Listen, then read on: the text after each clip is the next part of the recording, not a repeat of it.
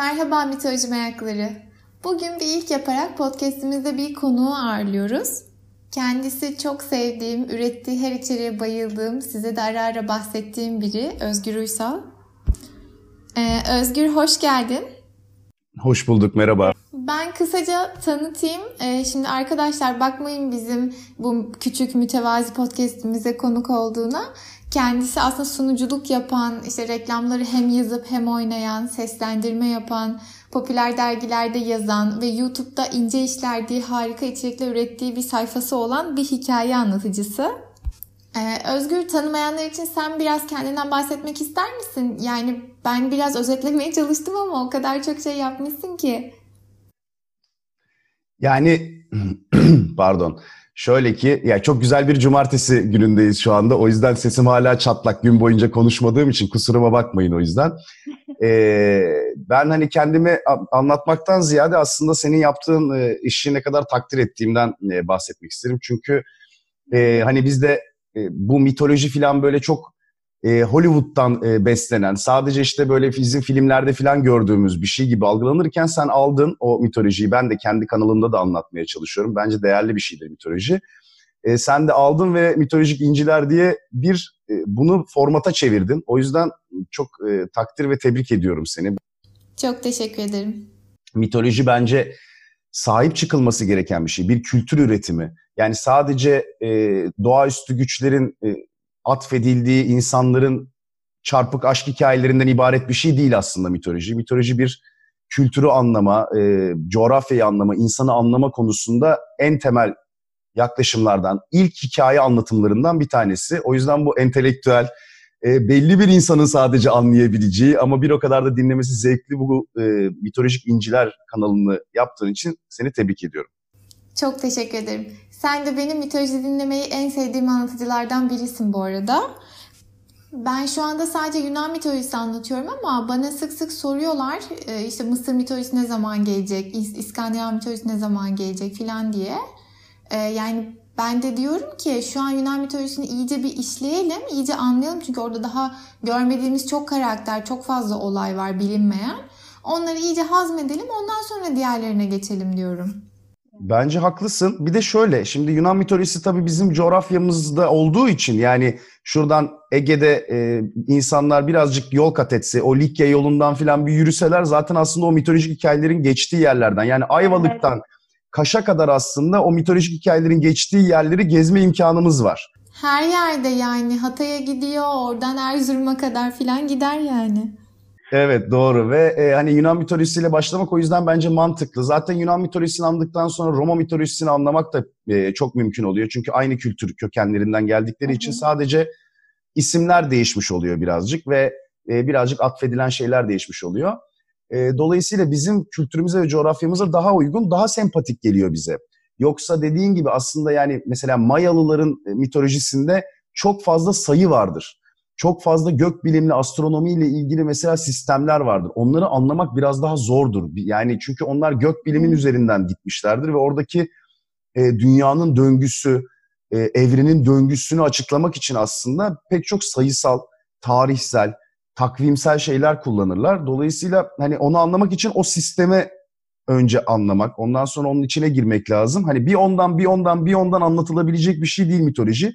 Bence doğru ilerliyorsun. Çünkü bir, bir metodoloji yani. Mısır'da da aynı şekilde. Gene orada da e, nehrin gelgitlerine göre e, ve Nil Nehri'nin e, ve güneşin konumlarına, e, oradaki o e, berekete veya bereketsizliğe göre e, atfedilmiş insanlar yani insanlar dediğim e, tanrı insanlar var.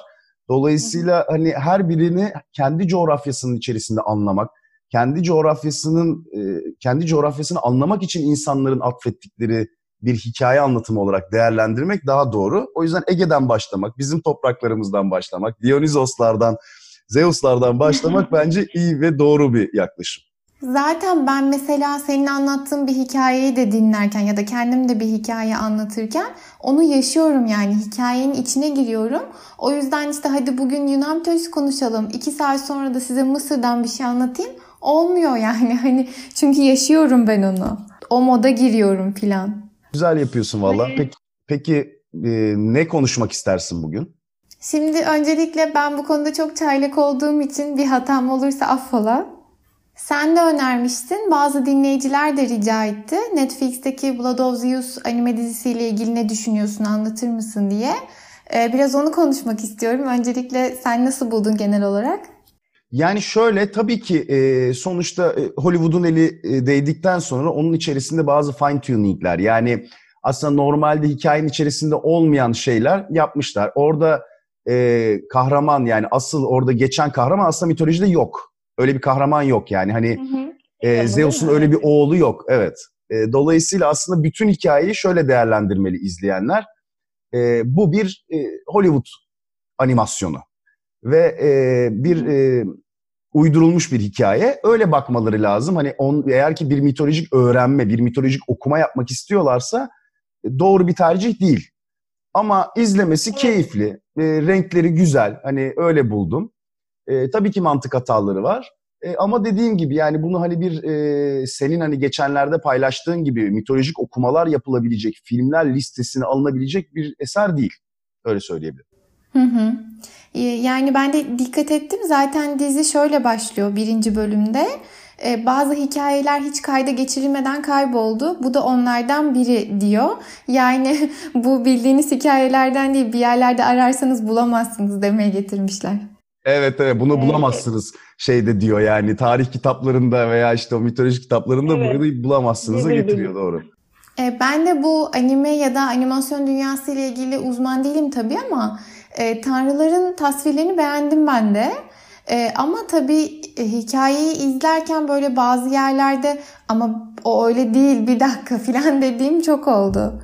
E, tabii çok yani dediğin gibi mantık hataları var ama e, hani yani çok ciddi e, mantık hataları da var. O yüzden şey yapmamak. Mesela Apollon piç değildir normalde. Hani onlar böyle birbirlerine sen de piçsin ben de piçim falan diye böyle bir e, sarılıyorlar ama öyle değildir. Leta'nın oğludur Apollon ve yani Leta e, çok ciddi o dönemin titanlarından bir tanesi. Yani o Zeus'u falan böyle sallayıp atacak karakterlerden bir tanesi Leta yani. Ama e, burada hani Apollon sanki böyle hani anası yokmuş, babası yokmuş işte ortalıkta böyle. Evet kimden olduğu belli değilmiş gibi. Evet gösteriliyor. Halbuki Apollon dediğin e, pek çok Zeus'tan hatta daha fazla tapınağı olan e, insanlar tarafından geleceği görmek, e, işte bereket, güzellik konularında aslında tapınılmış.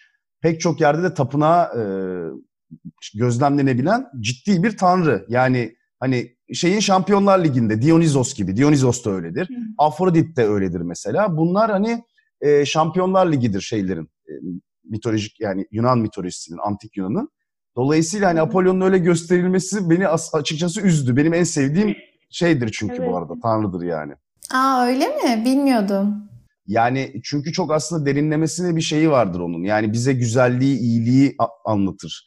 Ve e, şeyin tanrısıdır aynı zamanda. Hani e, geleceği görmenin e, tanrısıdır. Hani hı hı. E, Delphi'den sonra, e, Delphi tapınaklarından sonra en çok medet umulmuş tapınaklardan e, ve tanrılardan bir tanesidir. Sonra da Dionysos gelir benim için. O da tabii müthiş bir. Valla ben son bölümde Apollo'nun e, işte Artemis'i Orion'u vurması için kandırmasını anlattım. O yüzden dinleyiciler Apollo'nu biraz kızmış olabilirler. Ama yapacak bir şey yok tabii. Yani her tanrının işte iyi ve kötü yanları var tıpkı insanlar gibi. E doğru şey değerlendirmek lazım. Yani her birini kendi karakteri içinde değerlendirmek lazım. Apollon elitist bir tanrı. Yani gerçekten tanrıların mavi kanlısından bir tanesi. Hı. Ve yani e, kardeşinin Orion gibi, Orion gibi e, hani sözde halktan olan, Parya'dan, o işte halk sınıfından olan biriyle birlikte olmasını istemiyor aslında. Öyle değerlendirmek lazım. Yani Artemis'in aşık olduğu kişi mavi kanlı bir tanrı olsaydı e, Apollon böyle bir şey yapmazdı ama hani öyle yani her birini kendi içinde değerlendirmek lazım. Senin de dediğin gibi her biri kusurları olan tanrılar aslında. Şey var mesela şimdi hikaye geri dönecek olursak diziye Hera'nın annesi Elektra mesela ben onu ilk gördüğümde dedim ki şimdi Atlas'ın bir kızı var Elektra diye. Evet Zeus'la beraber oluyor ve işte Zeus'tan çocuğu oluyor Dardalus diye. O da sonradan hatta Truva Krallığını kuruyor. Ama bu o da değil yani. E, Zeus'la beraber oluyor adı Elektra ama o değil. Oğlu Heron falan. Burada Elektra bambaşka biri yani. E, ki yani sendromu da vardır hani işte aslında babasına aşık olma sendromu işte Freud'un e, şey yaklaşımlarından bir tanesidir filan. E, ama yani o Elektra ile o Elektra'nın dediğin gibi hiçbir alakası yok ve bence de kafa karışıklığı yaratıyor. Ben de ya diyorum Elektra'nın Heron diye bir çocuğu var mıydı diye bir gir araştırmaya ve zaten Heron diye birinin hiç olmadığını gördüm. İşte e, hani Elektra senin dediğin gibi o Elektra ile alakası yok. O işte hani bu bir made up story.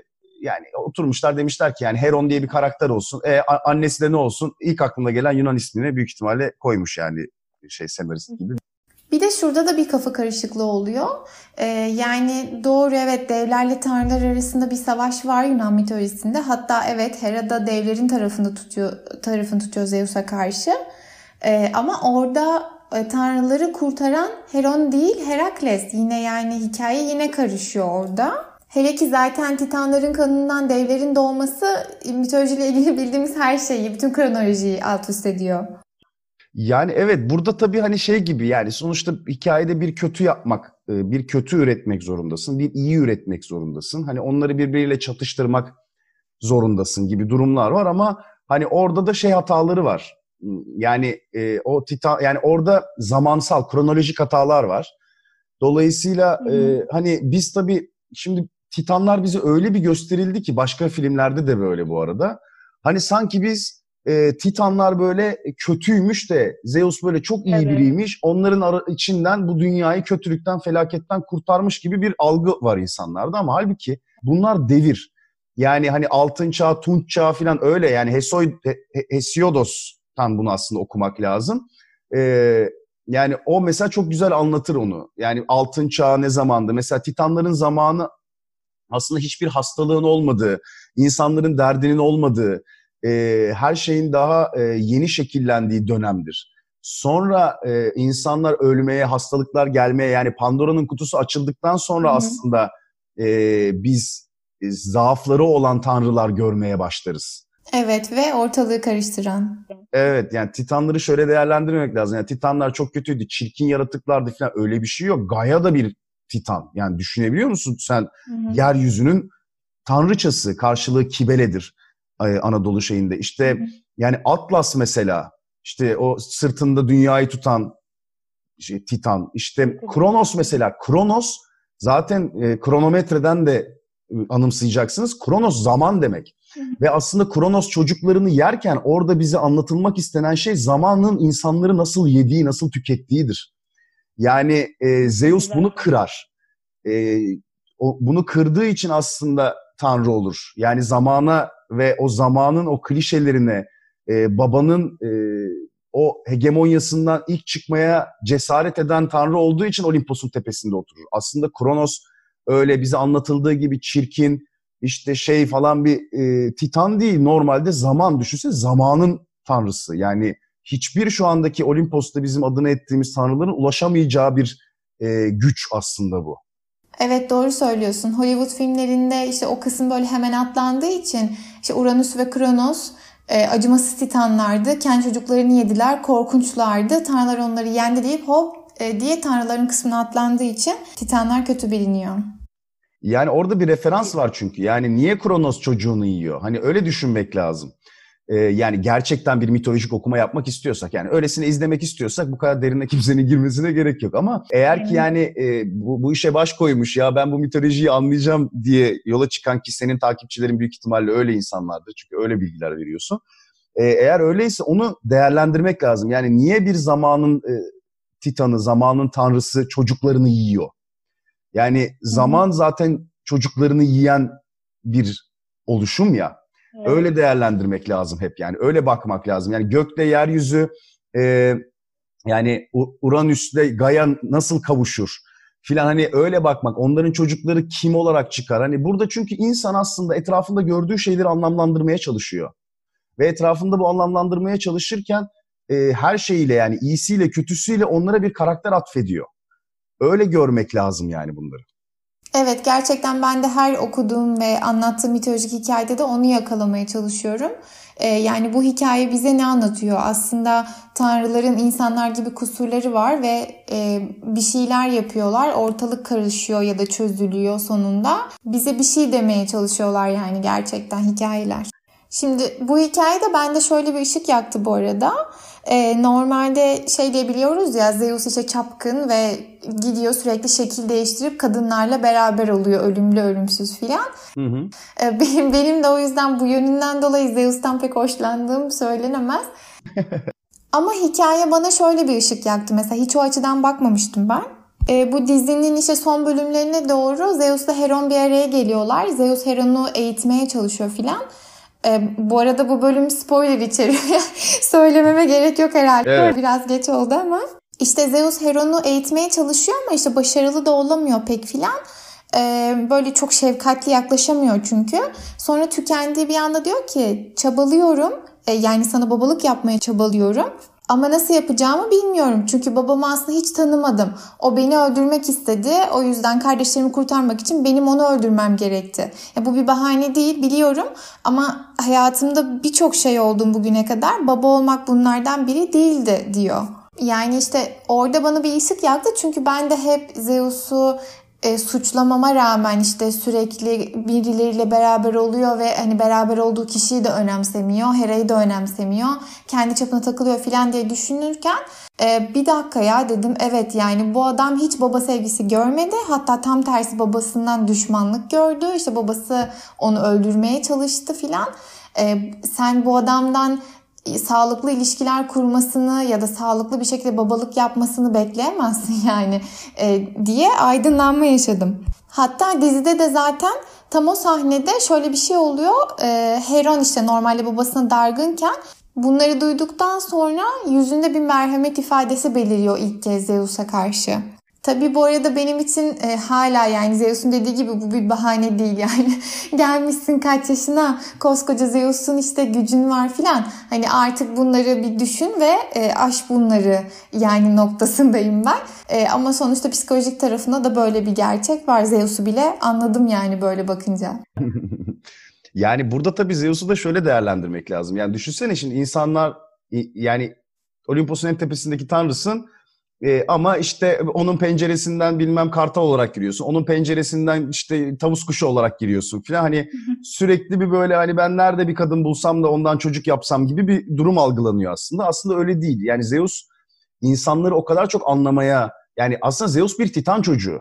E, ve titanların en büyük özelliği zaten insanları anlayamıyor. İnsanlardan uzak olmaları. Çünkü e, şey değil, e, titanlar doğayı ve doğa olaylarını simgeledikleri için e, zaten insanların üstünde hükümleri var. Ama Zeus öyle değil. Zeus insanlarla titanlar arasında. Yani insanın doğayla olan mücadelesini de simgeliyor Zeus. O aradaki ara dönem yani ikinci çağ dediğimiz çağ aslında insanın artık yavaş yavaş doğaya hükmetmeye başladığı e, ve işte kendini tanımaya başladığı zamanı simgelediği için Zeus da onun tanrısı ve o yüzden hani ne kadar kızgın olsa da ne kadar uzak dursa da ne kadar babalık yapmasa da e, insanlarla sürekli yakın olmak istiyor. Onlarla bir arada olmak istiyor. Oradaki sevişmenin simgelediği şey aslında insanlara duyduğu aşk ve onlarla birlikte bir şey üretme e, gayesi Zeus'un. İnsanları sürekli bir şekilde anlamaya çalıştığı ve onlarla empati kurmaya çalıştığı için aslında e, tabii ki bir erkek olarak çapkınlık e, kisvesi altında bunu yapıyor sürekli. Yoksa oturur tepede e, yani ne olacak ki Zeus'un hani bir kadın bulmakla ilgili ya da işte cinsellik yaşamakla ilgili ne problemi olabilir ki Olimpos'un tepesinde? Ama e, işte bu insanları sürekli anlamak, onlardan e, onlarla birlikte etkileşime girip oradan bir yeni bir şey üretmek e, Zeus'un en sevdiği alışkanlıklarından bir tanesi. Yani her ne kadar böyle ben insanlara bakınca çok üzülüyorum bilmem ne işte hani böyle uzakta Olimpos'un tepesinde gibi dursa da aslında insanlara en yakın olan, insanları en çok anlamaya hevesi olan tanrıdır. Öyle de değerlendirmek lazım. Yani Özgür öyle bir kapı açtın ki bu bizi dinleyen bu womaniser'lara e, canım ben insanları anlamak için yapıyorum yani. İnsanları çok sevdiğimden falan. yani düşünsene yani bir insanla kurabileceğin en yakın iletişim değil midir sevişmek? Yani Zeus'un da oturup tavla oynayacak hali yok yani adam ta Olimpos'un tepesine indiği zaman. Ki bunu ataerkil bir karakter olarak ve ataerkil bir tarih yazımı olarak değerlendirdiğin zaman o çağa göre e, yani Zeus'un insanlarla kurduğu iletişimin bu olması gerekiyor yazan tarafından. Evet zaten şöyle bir gerçek var psikolojide. Ee, eğer bir insan işte doğru sevgi şeklini görmemişse e, nasıl seveceğini ya da nasıl göstereceğini de bilemiyor ve onun için tek sevgi gösterme ya da alma yolu sevişmek olabiliyor. Böyle bir gerçek var. Ki yani şöyle de değerlendirmek lazım. Düşünsene senin baban Kronos. Yani hani çocuklarına bu niye iyi davranmıyor e, diye düşünürsek yani niye yalnız bırakıyor çocuklarını diye düşünecek olursak düşünsene senin baban Kronos ve sen yenilmekten kurtulmuşsun ve e, kardeşlerini de e, babanın midesinden çıkartmışsın. Yani şimdi Zeus'un gördüğü babalığı yani Zeus'un kafasındaki evet. baba figürünü düşünecek olursak aslında çok yol kat etmiş bence. Evet evet en azından sahip çıkıyor çocuklarına falan doğru söylüyorsun.